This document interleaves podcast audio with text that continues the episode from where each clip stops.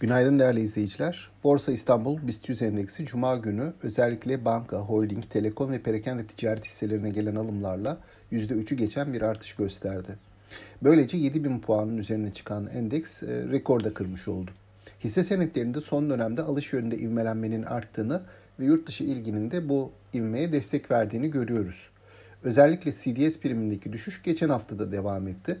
5 yıllık CDS primi son 5 haftada 125 bas puan civar düşerek 380 bas puana kadar geriledi.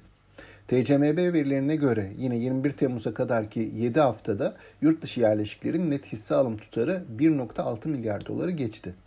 Bu göstergeler borsadaki iyimserliğin orta vadede sürmesi ihtimalini bizce kuvvetlendiriyor. Bununla birlikte geçtiğimiz hafta çok kuvvetli bir seans e, izledik. Hisse değişimleri vardı.